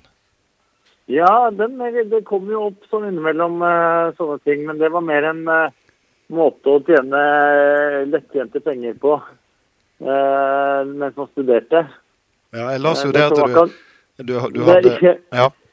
Ja, det er, det er som man kan gjøre når man bor i, bor i og er vokst opp i, i byen og ikke bor på Stryn. ja, Da, det- da er det litt kortere vei til, til sånne ting. Det ja var altså, eh, 500 kroner uten replikk og 750 kroner med replikk. Og det tok som regel ikke mer enn en time eller to. og så har jo du òg en opptreden i Juli Svingen og i Brødrene Dal, så det er jo ikke småtteri, dette her. Nei, Julie Svingen var jeg med å lage, faktisk. Og du var det òg, også, ja? der var jeg- Ja, der var jeg innspillingslederassistent. Så der hadde vi vel to det var jo 200 eller 308 opptaksdager. altså i to og et halvt år med å lage Julie Svingen. Ja, ja, ja. Eh, alle i produksjonen da fikk lov til å ha sin egen eh, lille statistrolle, da. Ja, jeg husker, Eh, jeg så jo på dette her i lag med mine unger, og eh, jeg husker du hadde en eh, sekvens inn på bensinstasjonen der. Ja, og han jeg er sammen med der, er jo eh, han som har skrevet Julesvingen. Ja, riktig. Og han som kommer inn på slutten der, det er regissøren. Så det er hele crewet i sving da. ja. Eh, Så stort sett eh, alle som ville, da, som var med i produksjonen, eh, fikk ha en liten sånn eh, statist inn opp der. Ja, riktig. Du er jo, en, eh, du er jo som sagt en eh, veldig kjent kommentator og eh, belest sportsinteressert. Men hadde du noen skuespillerambisjoner på den tida der? Og nei, på ingen måte. Så det var mer tilfeldig? Ja da. ja. Nei, skuespillerambisjoner har jeg, har jeg hatt veldig lite av. Det Journalistiske ambisjoner er vel det jeg egentlig har, har hatt, hatt sånn sett, da. Og nå var jo kommentering egentlig det, det endgame. det man hadde lyst til, å, lyst til å drive med. Ja, det må jo være fantastisk å kunne reise rundt og, og kommentere store fotballkamper gjennom nesten hele året. Ja, det er veldig fint. Det er veldig, eh, man er jo veldig privilegert, så det må man jo. Må man klype seg litt i armen nesten hver dag. Ja, i morgen er det Valencia Arsenal som står for tur. I morgen er det Valencia Arsenal som står for tur, ja. Så her er det 28 grader utafor. Jeg er inne og ser Ajax Tottenham nå, da. Men du kunne vel tenkt deg å sett eh, eller kommentert Liverpool-Barcelona i går? Du, det var en eh, fantastisk eh, kamp, eh, men jeg hadde jo jeg hadde Manchester City-Tottenham i runden før. Eh, så man kan ikke klage så mye. Det var vel eh, nesten tidenes, en, av- tidenes kamper fram til i går, det òg. Ja. Eh, Så det har vært en helt eh, vanvittig sesong, egentlig. Både snakk om eh, Premier League og med Champions League og med, med alt. Det har vært eh, helt utrolig hva slags kamper som har vært. Eh, Og hva slags drama som har vært, egentlig, og hva slags drama som er. Det er jo helt, eh, det er helt vilt, og det skjer i kamp etter kamp. Så det, jeg kan ikke nesten komme på en sesong som eh, dette her. jeg. Ja, jeg, og, jeg, og- jeg, og, Thomas i studio her er jo Liverpool-fans, men uansett hva lag du holder med, så er det jo eh, mye god underholdning om dagen. Det er så mye bra rundt om, og så må man ikke glemme de som, eh, de som har hatt vonde sesonger og sånn, eh, sånn også. Det er jo dessverre sånn at noen må rykke ned og sånn òg, men, men det med Norwich har vært helt fantastisk. Det er vel bare Manchester City i de fire øverste divisjonene som har skåra mer enn Norwich denne sesongen. Ja. De har spilt fantastisk angrepsfotball hele veien. Så Sånn sett så kan man grue seg litt til det blir opprykk til Premier League hvor man skal forsvare seg etter hederlig 0-2-tap og kanskje slå Brighton 1-0. Liksom. Det, det er morsommere sånn som det har vært nå, egentlig. Men nå har vi jo hatt eh, Wolverhampton, som har gjort det bra som nyopprykka lag eh, denne sesongen her. Hva du tror du om Norwich kommende sesong? Eh, ja, Måten de er fremst på, har det vært eh, en god del likheter. Ja, måten de har vært klart best i divisjonen under på nesten gjennom hele sesongen. Også klare likheter eh, der store forskjellen ligger, ligger jo i økonomi. Eh, men Wolverhampton har eh, veldig veldig pengesterke eiere og José Mendes på, på laget. Eh, så har Norwich kvitta seg med absolutt alle spillere som har eh, egentlig hatt en lønning som er i nærheten av toppsjiktet av championship, så vidt jeg har forstått. Eh, I tillegg til å ha solgt, solgt de beste, sånn som Angus Gunn forsvant jo, Josh Murphy, Jacob Murphy året før der, Alex Pritchard og ikke minst eh, James Madison. Eh, I tillegg til da sånn Steven Naismith og Matt Jarvis sånn som er på høye lønninger. Så, så det som er igjen, har vært akademispillere, egentlig, og så spillere som har funnet for en skikk og ingenting. Eh, Så jeg hørte, hørte her at eh, at de spillerne som har opp i Norwich, selv ut fra championship-standard, så har de veldig veldig lave lønninger. Og det har man måttet, i og med at man var på siste sesong med fallskjerm, fallskjermpenger også. Um, og det, kom, det er nok en politikk man kommer til å fortsette med, for man brant seg jo litt etter hvert uh, sist, da man fikk panikk da man så man kom til å rykke ned, eller kunne rykke ned i januar. Og det har man jo betalt for helt egentlig fram til nå. Um, så så de økonomiske musklene de er ikke der i, i Norwich. De kommer ikke til å dra noe verken Fulham eller Wolverhampton og kjøpe dyre spillere og sånt. Men, eh, men samtidig så har de massevis av eh, spennende unge spillere som kan, eh, kan sikkert overraske mange. Å overleve vil vel være en uh, suksess, da. Ja, definitivt. En ting er å spille sånn uh, hva skal man kalle det, Barcelona-fotball eller Tiki Taka eller hva du hva, possession-fotball i, i championship, men det er jo en uhyre vanskelig stil å ta med seg i divisjonen over hvor motstanden er såpass mye sterkere. Så, sånn sett er det kanskje de lagene der som på mange måter har litt dårlige forutsetninger for å overleve. da. Eh, hvis man ser også Fulham, eh, Cardiff også, med eh, et veldig veldig lavt budsjett, men med en helt definert enkel spillestil, var nære å, nære å holde seg. Det var nesten bare uflaks at de ikke klarte det.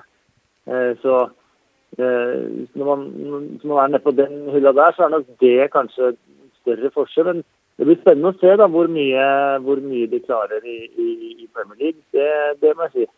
Eh, vi har, har jo alltid filosofi, han manageren, siden han kom inn, at eh, Norwich skal dominate by possession 90 minutes every game. Eh, og Det klarte han etter første sesongen, og da gikk det ganske dårlig. Men det har de klart denne sesongen. da. Og så, så Sånn sett tror jeg faktisk kanskje kampprogrammet i starten eh, blir veldig veldig viktig for Norwich. Hvis de får mange tøffe kamper i starten og, og kommer ut av den rytmen, så tror jeg det kan bli vanskelig. Men hvis vi får noen gode opplevelser i starten på den spillestilen der, så, så kan det bli bra. Det blir vel et veldig spennende sommervindu for Norwich og alle andre lag. Det er jo eh, mye rykte og full fart i overgangsvinduet. Men eh, sånn avslutningsvis, eh, Kasper. Hvem er den beste Norwich-spilleren gjennom tidene? Åh, det er så mange. Men eh, man er jo i en alder hvor man ikke får favorittspillere, ikke har så mange sånn, favorittspillere som man, eh, man hadde. Men eh, jeg var jo fryktelig, fryktelig glad i, i, eh, i West Hulahan. Eh, som la opp. Eh, og jeg trodde det skulle gå lang tid før jeg var kommet over staden med han. Men det er Emmy Buendia, som har kommet eh, før denne sesongen for en million euro fra, fra andre nivå i, i Spania eller var utlånt til andre i Spania. Han har vært Champions beste spiller. Han er jo prikk lik Supertulia, bare enda mye bedre. ja. Eh, men du har, du har vært inne på Robert Fleck. Han var fantastisk. Mark Bowen var en kjempefavoritt. Darren Eady eh, det samme. Grant Holt, ikke minst. Eh, så det har vært eh, veldig mange spillere å bli, bli glad i når de kjøper Så- eh, gjennom årene. Så kanskje jeg må si faren til Angus Gunn, da, var Brian Gunn. Brian Gunn, ja. Skulle akkurat det å si Han var eh, en herlig, herlig keeper, altså. Ian Cook var jeg også utrolig, utrolig glad i. Jeg se en pasningsfot, så gå på YouTube og se Ian Cook. Han, eh, han var gudbenådet, altså. Så Åge Hareide og, og eh, Alexander Tetti kommer ikke på topp 40-lista til Jeg er veldig veldig glad i Alexander Tetti, og jeg ikke glemme hva han har betydd for, eh, for, betydd for den klubben. Og Ian Rush spilte tre kamper mot uh, Norwich da Åge Hareide var i midtforsvaret og skåra akkurat nøyaktig null mål. så det Helt nøyaktig null mål. ja. Så hadde Erik Fuglestad hadde du innom også. Ja, riktig. Og så hadde du en fyr som eh, Vet ikke om dere husker han, men eh, han var en fantastisk fyr. Eh, jeg vil fortsatt påstå at eh, samtlige spillere i Eliteserien har stein i skoa omtrent i forhold til han da han eh, spilte på 80-tallet. Henning Bjarnøy. Ja. Henning Bjarnøy spilte for, uh, for Vålerenga. Han var på prøvespill i Norwich, spilte to reservelagskamper. Fikk ikke arbeidstillatelse, kom hjem. Og hans, eh, hans kallenavn i Vålerenga da ut karrieren var Proffen. For han hadde spilt fotball i England. Herlig ironisk der, altså. Nei, men Kasper, vi ønsker deg lykke til med oppdrag, kommentatoroppdrag i Spania. Og så takker vi så mye for at du var med for å fortelle om ditt kjære Norwich. Lykke til både på søndag og i Madrid. Jo, tusen takk for Takk det, for det. Kasper. Ha det godt. Vi snakkes. Ha det fint. Ja, hei.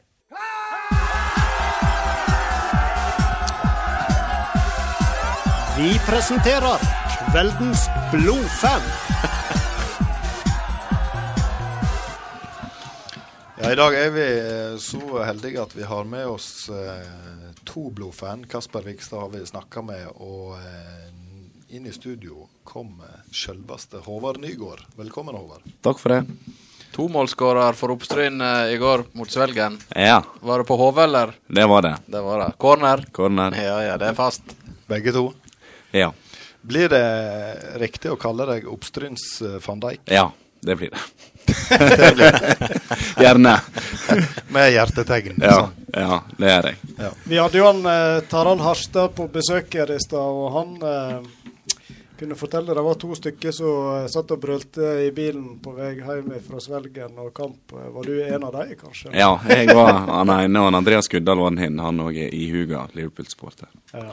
Så det var stor, eh, stor stemning, vil jeg tro. Og Bilen lå trygt på veien, eller? Ja, Vi var faktisk akkurat på ferja, så jeg fikk meg ei seiersrunde ut av bilen eh, da det ble blåst av. På ferja når de blåste av kampen, ja. Ja, Så da sprang du rundt på dekk der og var galen. ja, det gjorde jeg. Um, Håvard, du er da selvfølgelig Liverpool-fan, og um, jeg vet du har en storebroren, Ole Mathias, som òg er Liverpool-fan. Var det han som uh, hjernevaska lillebroren? Det var det, uten tvil. Det var før en da bestemte over sitt eget liv. Ja. Så det ble Vi sender en, en liten gratulasjon til han Ole Mathias, som ble eh, pappa for andre gang i går. Ja.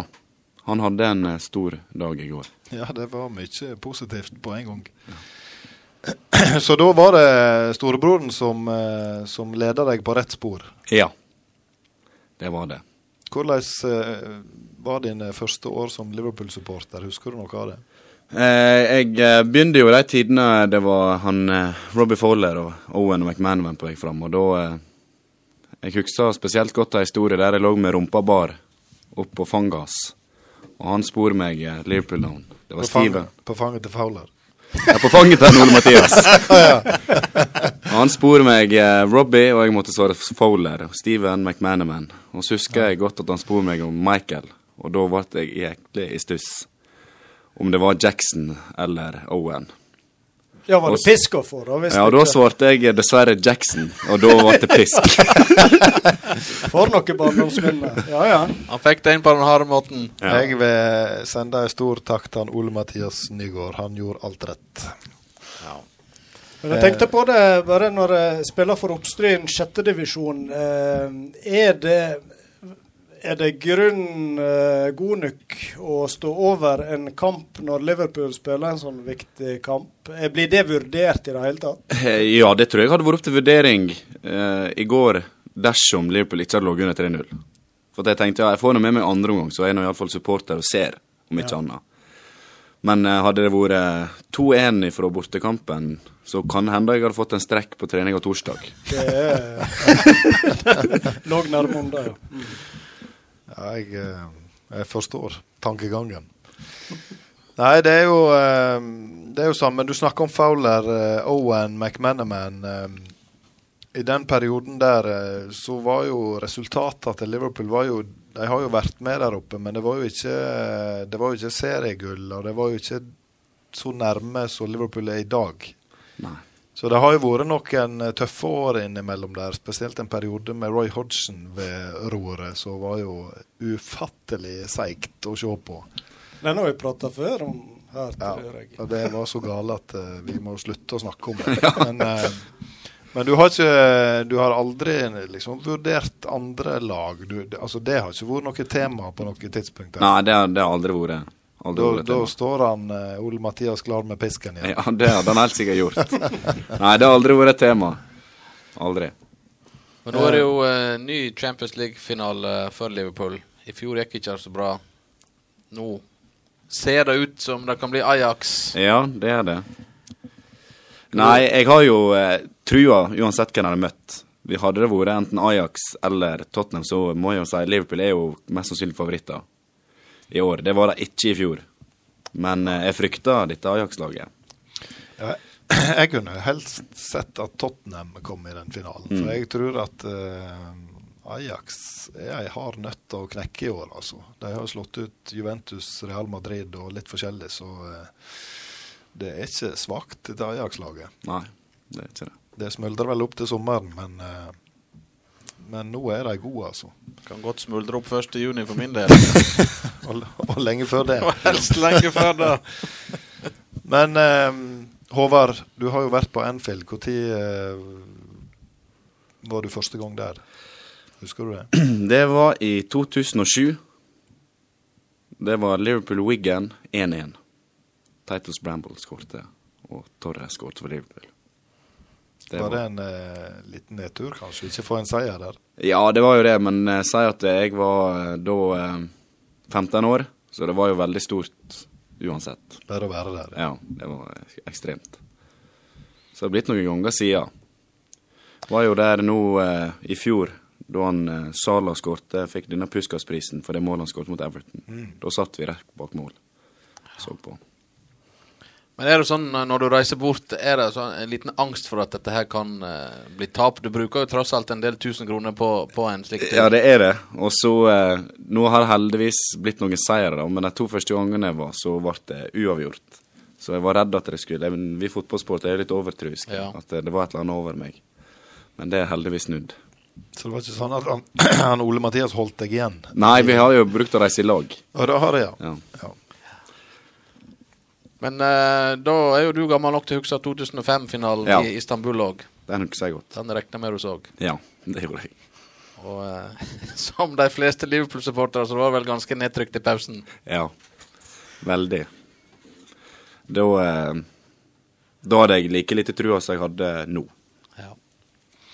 Ja, det så jo, så jo helt svart ut den dagen, men det snudde, og det er jo må jo si det er ufattelig fascinerende med fotball når sånne ting skjer. Da eh, er jeg glad jeg, glad jeg er fotballsupporter. Ja. Og det er, skjer jo med Liverpool, det kan skje med andre lag òg, da. Men um, god fotball, det er god underholdning. Men hvis du fikk velge, da, Champions League-pokal eller Premier League, så er vel valget enkelt. Ja, det er Premier League. Nei, selvfølgelig. Ja.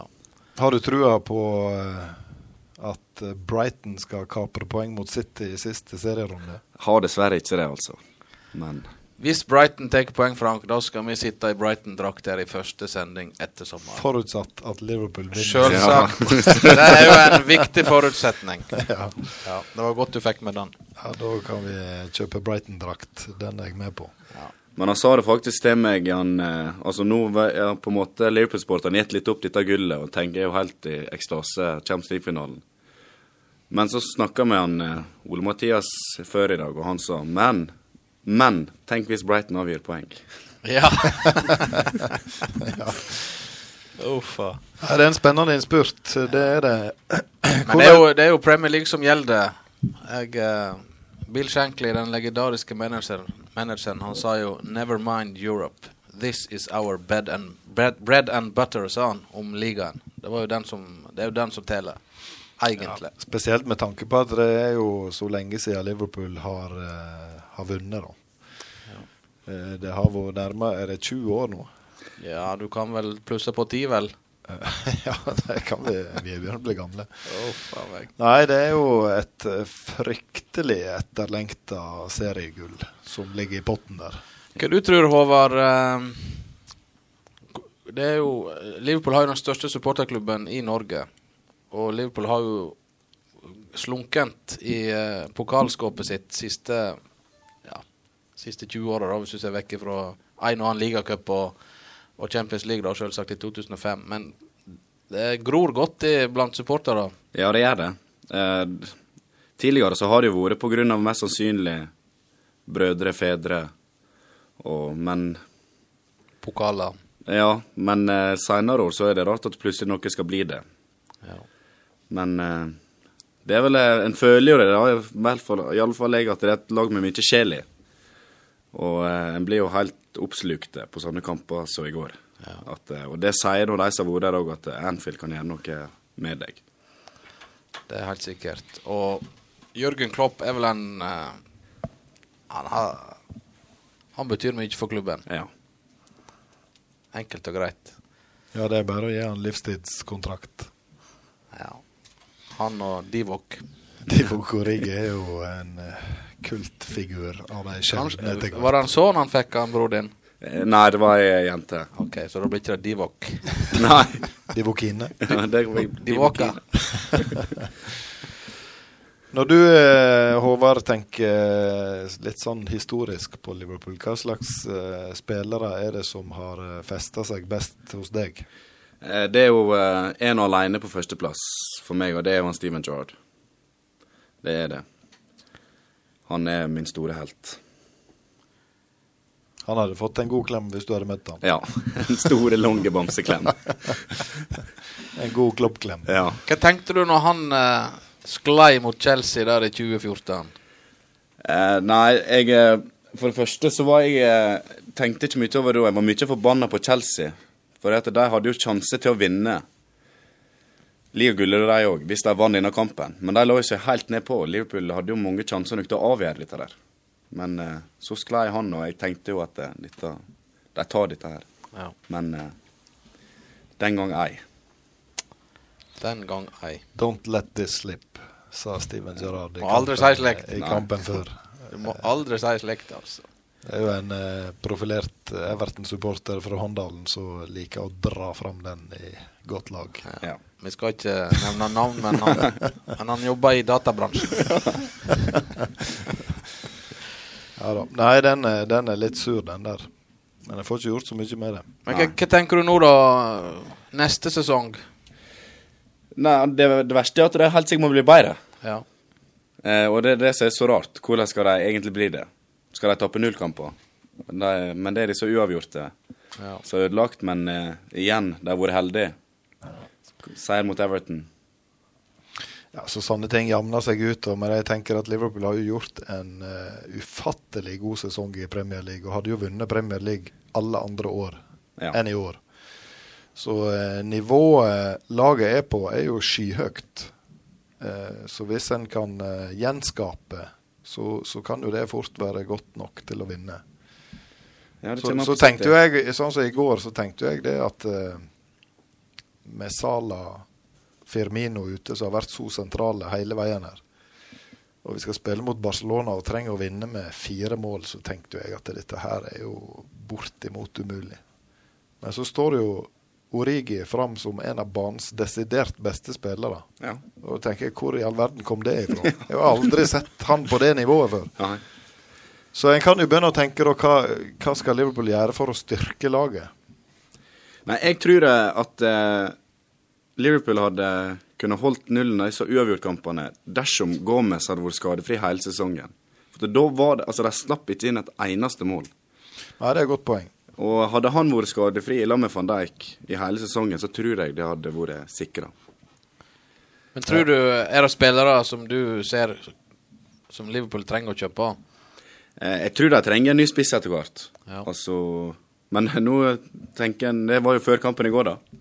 Ja. Altså, eh, Fotballsportere er jo verdens enkleste eh, å glemme. Ja. Men det var jo solklar spiss jeg tenkte på etter Firmino. Men, eh, og det vil jeg stå på enda.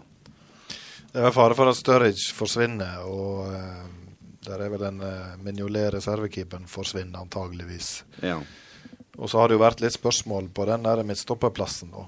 Men uh, de har jo både Matip, Lovren og Gomez ja. Uh, ved siden av van Dijk, så en, en må jo kunne si at sånn som Matip òg har jo klart seg ja. veldig, veldig godt. Og så kanskje en ny dekning på begge bekkene. Ja.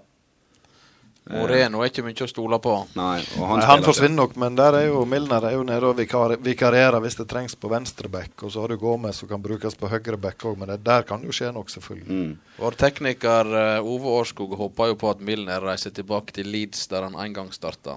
Ja. Det har jeg òg en kollega som håper skjer hvis Leeds kommer opp igjen i Premier League. Ja. Vi får håpe at han blir i Liverpool i hvert fall én sesong til. Ja da, han, eh, han bidrar Mm. med hjertet utapå drakta hver gang. Ja. Ja. Hvem av dagens spillere, bortsett da fra van Dijk, som ble nevnt innledningsvis her, er det du eh, Eh, jeg er veldig svak for Firmino. Eh, ellers så er det umulig å ikke nevne Sala og Mané. ja. Men eh, Og Vinaldum i år har jo vært knallgod, iallfall tidlig i sesongen. Men eh, eneren er nå van Dijk. Han er helt spinnvill god. Håvard van Dijk? Ja, eh, nå står det igjen to kamper. eh, En holdt på å si en seriefinale og en Champions League-finale. Tror du Liverpool kommer ifra det med en pokal? Ja. Jeg tror Liverpool vinner begge kampene. Så blir det opp til City resten. Da går Champions League i boks, og så blir det opp til Brighton, egentlig. Ja, det blir det. Wolverhampton er jo en litt sånn eh, småskummel motstander. Ja, men det er Nå har de jo vært borte. ja. Men eh, jeg tror Liverpool er så gode at eh, de tar det. Har du et spørsmål, Roy Aran, du har lyst til å spørre? Nei, jeg er helt uh, målløs her. Jeg tenkte dere skulle få lov å kose dere i glansen av Liverpool-seier. Så jeg syns dere klarer dere godt. Ja, takk for det. Takk for det. Men jeg må nå høre litt om denne lidenskapen din, da, Håvard. Hvordan er det Lader du opp til helgas kamper, og hvordan er det liksom eh, dette her påvirker eh, livet ditt? Hvor lidenskapelig er du? Ja, så jeg bruker å si det at nå er jo, har jeg egentlig bare meg sjøl å tenke på, da, så jeg eh, legger opp helgene mine etter når Liverpool-kampen går. Ja. Den blir jo bestemt rundt det. Men jeg, jeg ser jo sjelden alene. Jeg har jo kompiser som er Liverpool-supportere. Så eh, det, det er ikke mange Liverpool-kamper jeg har sett alene. Kan trøste deg med det, Håvard, at for oss familiefedre også blir helgene bestemt ut ifra når Liverpool spiller kamp. Eh, Det kan jeg òg bekrefte. Da er det, da er det kvalitetstid med ungene på disse her, vet du. Det er aldri middag med svigers hvis Liverpool spiller på søndag klokka fem eller Men var det sånn eh, sønnen din òg ble Liverpool-supporter, så han beskriver? Det var pisk på rumpa, eller? Ja, ikke. han har vel fått det inn eh, Han har vel ikke hatt noe valg. Nei. Nei. Og jeg tror han er glad for det i dag. Men uh, går det tap på Nå har det ikke vært så mange av dem i år, da, men eh, går de inn på deg? eh, Eh, ja, det er det. Hvordan? Nei, eh, er det f.eks. et tap mot United, så er det djup depresjon. Ja vel? Og eh, Hvor, hvor lenge setter de? Nei, det setter i eh, eh, Det spørs hvem jeg møter. Hvis du møter Men- ManU-supporter, da eh, Ja, da eh, Det er sånn som det var jo ikke Vi bodde jo Liverpool var jo begynt å bli god. Jeg bodde sammen med Preben Hoel i Bergen. Og han er jo en ihuga United-supporter. Og da Jeg var ikke så veldig glad i han etter da. Han var vel ikke så glad i deg heller. så- Nei, det var ikke han. Så eh, Men dere klarte å bo under samme tak, altså? Ja, det gikk helt fint. Men eh, selv om begge har et lidenskapelig forhold til det, så eh, går det an å diskutere. Men etter et tap så er ikke det en United-tryne du har mest lyst til å møte på? Nei. Nei. Det er ikke det. Det har nå gått bra i år, da, for din del. Ja, det har det. Veldig bra. Ja, ehm, Da høres det nesten ut som til og med eh, Liverpool-supporterne begynner å gå tomme for spørsmål. Ja, vi kunne nei, vi ja. kunne holdt på lenge, altså. vi kunne hatt nattsending. Vi kunne hatt ekstrasending bare pga. kampen i går. Ja. Men da syns jeg dere skal skyte inn de siste beste spørsmålene. Jeg ser litt på klokka. Det er på tide å runde av litt, men dere skal nå få lov å fyre løs et par til. Hvis det- når, Da eh, Når vi endelig har en Liverpool-supporter. Jeg vet vi blir starstruck her aldeles. Klart, når du har eh, Nå har Tottenham skåra. Det har de. Han eh, peker mot himmelen og har skåra. Eh, men du Håvard, du har ikke noen ambisjoner sånn eh, Du har jo spilt på Oppstryn i noen sesonger. Du har ikke tenkt deg høyere opp i systemet? Nei, det har ikke jeg. Eh, Det er heldig Ja. å spille på Oppstryn. Det. Men det er, det er jo en bra gjeng der oppe. Ja, det er det. Veldig artig. Og eh, når gresset er grønt oppe på Lunder, så Det var humpete mot Handalen? Ja, da var det Det var ikke mye fint spill da Nei, det til sjette divisjon nå, men eh, det er veldig kjekt eh, å være der oppe og spille. Og en har jo like lyst til å vinne igjen når en spiller kampene som en Ja, spiller ja, en tredivisjonskamp. Det er jo Et tap sitter vel i der òg. Ja. Det gjør det. Ja, hva du sier Frank? Jeg bare lurer på, eh, i Oppstryn-laget, hvordan er det Er det flertall av Liverpool- eller United-supportere, eller hvordan eh, er sammensetninga der? Der er det vel helst eh, flest United-supportere. Det er det. Harald Harstad, blant annet. Ja, han er United-sporter, og, og Lars Jørven er United-sporter, og Andreas Sanchez Guddal er United-sporter. Så reker nå en annen Real Madrid-supporter litt, og Men han Lars Guddal han er Oppstryn-supporter. han er Oppstryn-supporter. Han eh, tror ikke mye fotball han ser. Nei, men eh, han veit når målet står, i hvert fall. Ja, Så det lenge han eh, skårer 400 mål for Oppstryn, eh, så eh, gjør han eh, jobben sin i breddefotballen. Og vel så det. Og vel, så det. Ja, de kommer i år. De kommer nok. Da er det bare, Håvard, å ønske deg lykke til med både Champions League-finale og serieinnspurten med Liverpool. Og så uh, håper vi at dette her går veien. Vi kan ikke, vi kan ikke håpe på noe annet. Nei. Og like måte, må jeg si til dere to. Takk. Supert. Da sier vi tusen takk til Håvard, ja. Så skal han få lov å få med seg ei eh, T-skjorte på vei ut uh, døra her. Det skal han få. Det går uh, et hardt innhogg i T-skjortelaget, Ja, men, det er vi bare glad for å spre det ut. Så Ja. den håper jeg du uh, svetter ut på ei oppstryntrening. Det er lov. Ja, det skal jeg gjøre. Vi må i hvert fall ta et bilde av han, Håvard. Det skal vi òg gjøre. Så nå skal vi øyeblikkelig i gang med vår faste spalte, som lektor Hoel leder an. Den kan du få lov å sitte og høre på hvis du vil. Så her er det bare å henge med i Sport om spas ei stund til.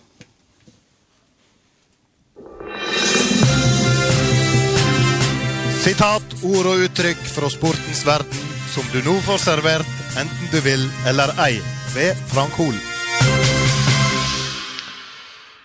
Ja, da er da som sagt mitt eh, uttalte mål fra tidligere i denne spalten her at han Roy Aron skal se på klokka i løpet av eh, innslaget. Og det tror jeg vi skal, tror jeg vi skal få greit Det til tror i dag òg. dag òg, altså. Ja. Jeg er spent. Eh, Dagens uttrykk er iallfall uttrykket 'tatt på senga'. Ja ja, men det Så hva, hva, forhold, hva forhold har du til det, Roy Aron? Altså, Ja, Helt ærlig så er det nå fort før at en begynner å tenke litt eh, koffert eh, når du nevner sånne uttrykk, uten å gå mer inn på det. Men tatt på senga, sånn betydninga av det er jo at du blir, du blir litt overraska, på en måte. Mm. Du eh, kanskje blir tatt litt sånn off guard. Ja. Ja, du er et kjempeeksempel på det i går, da. Liverpool-Barcelona. Ja, Hvis du ser 4-0-mål der, så blir jo Barcelona rimelig tatt på senga på den corneren der. Ja. De står jo og sover hele gjengen. Heldigvis.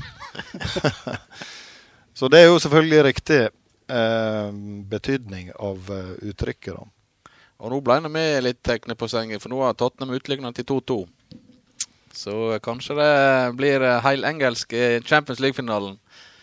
Ja, Da er det ett Tottenham-mål, og så er det de som er i finalen. Dette blir spennende. Jeg håper det skjer.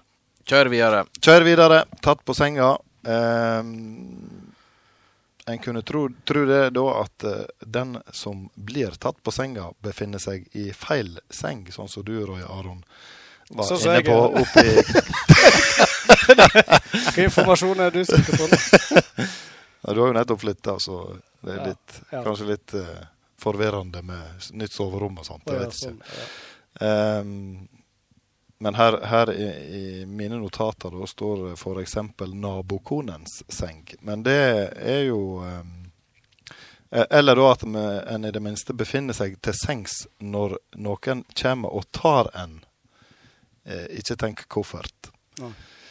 Eh, uttrykket kommer antagelig fra noe så greit som at en får besøk før en har stått opp, og dermed ikke er forberedt på å ta imot gjester. Ehm, og her er da et eksempel på det i, fra Jo Benkow sin bok. Jeg skulle likt å sitte i den bokhylla du har hjemme. Ja, men den, fantastiske eh, bøker du henter ting Jeg har jo et bibliotek. Ja. Eh, jo Benkovs bok 'Vendepunkt' fra 1990, side 82, skal jeg nå sitere ifra. Det var et Norge som knapt nok var blitt eh, vekket av søvnen som ble tatt på sengen natten til 9. april. De fleste fortsatte å gni seg i øynene i lang tid etterpå, skriver da Jo Benkow. Eh, over da eh, andre verdenskrig brøt ut i vårt kjære Norge.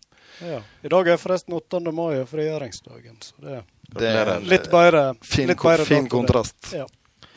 Ehm, at uttrykket nå uh, verken behøver ha noe med morgen eller seng å gjøre, viser journalist Hanne Fedje. Uh, overskrifta hun hadde i Dagens Næringsliv 18.6.2015 tatt på sengen av oljeprisen.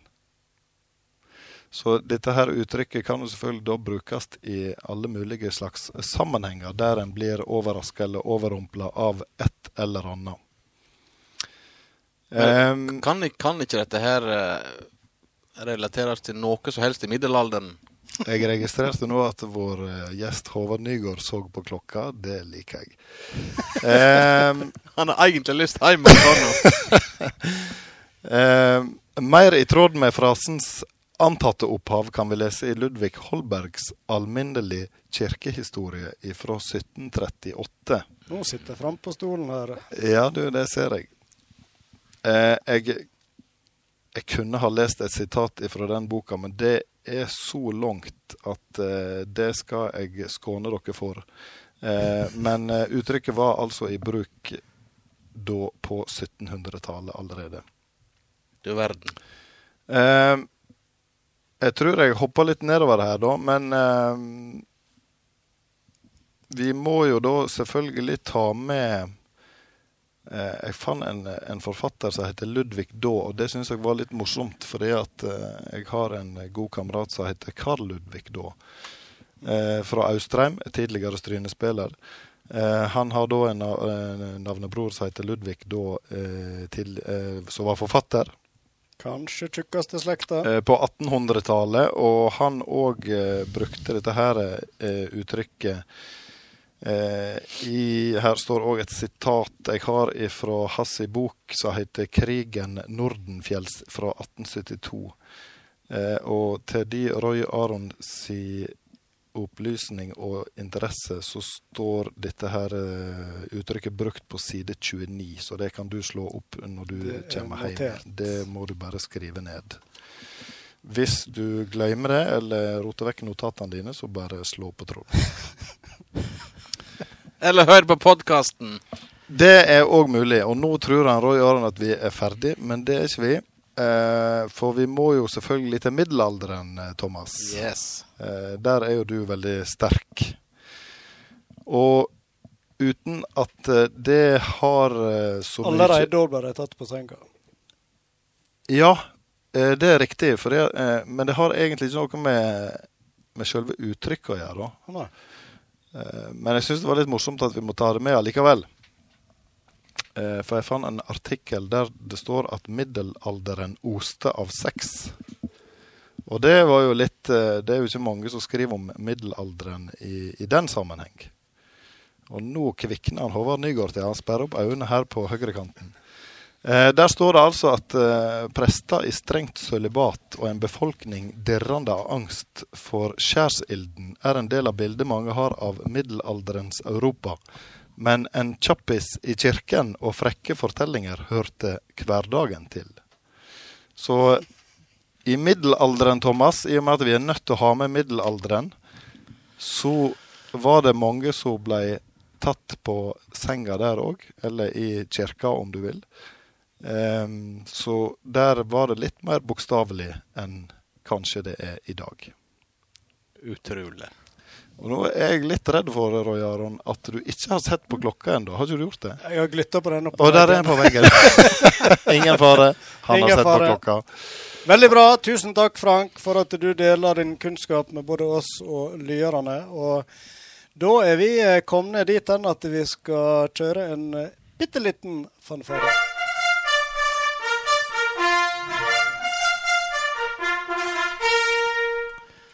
Da har vi kommet fram til uh, kveldens spørsmål. Er det et spørsmål om felleski? Det er ikke det. Det kunne det vært. Jeg har alltid lurt på om uh, Hva gjør du med felleskien når du legger deg vekk for, vint for, for sesongen? Roy Aron, du har jo felleski. Ja, jeg har nettopp uh, satt inn eh, med glider, som det seg hører og bør, så du skal gjøre med ski helst da, når eh, sommeren er der.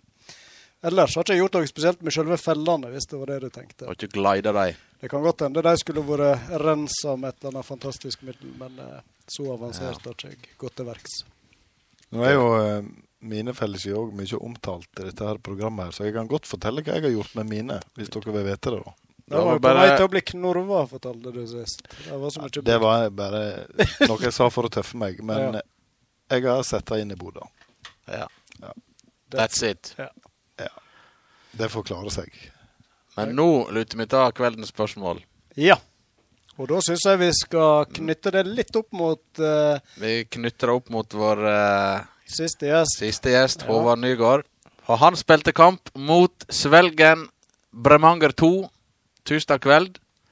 Spørsmålet er hvor mange mål skåra han Håvard i den kampen? Ja. Hvor mange mål skåra Håvard Nygaard mot Svelgen Bremanger 2 Som midtstopper. som midtstopper? Mål er mål, uansett.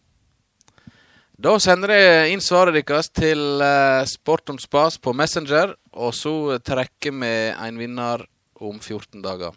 Så er du podkastlytter og hører dette nå, og vi er kommet til kanskje lørdag i helga, så det er bare å hive seg på. Ja.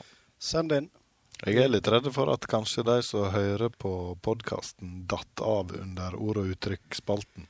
Spørs det. Dette, denne konkurransen er for de aller mest ivrige lytterne.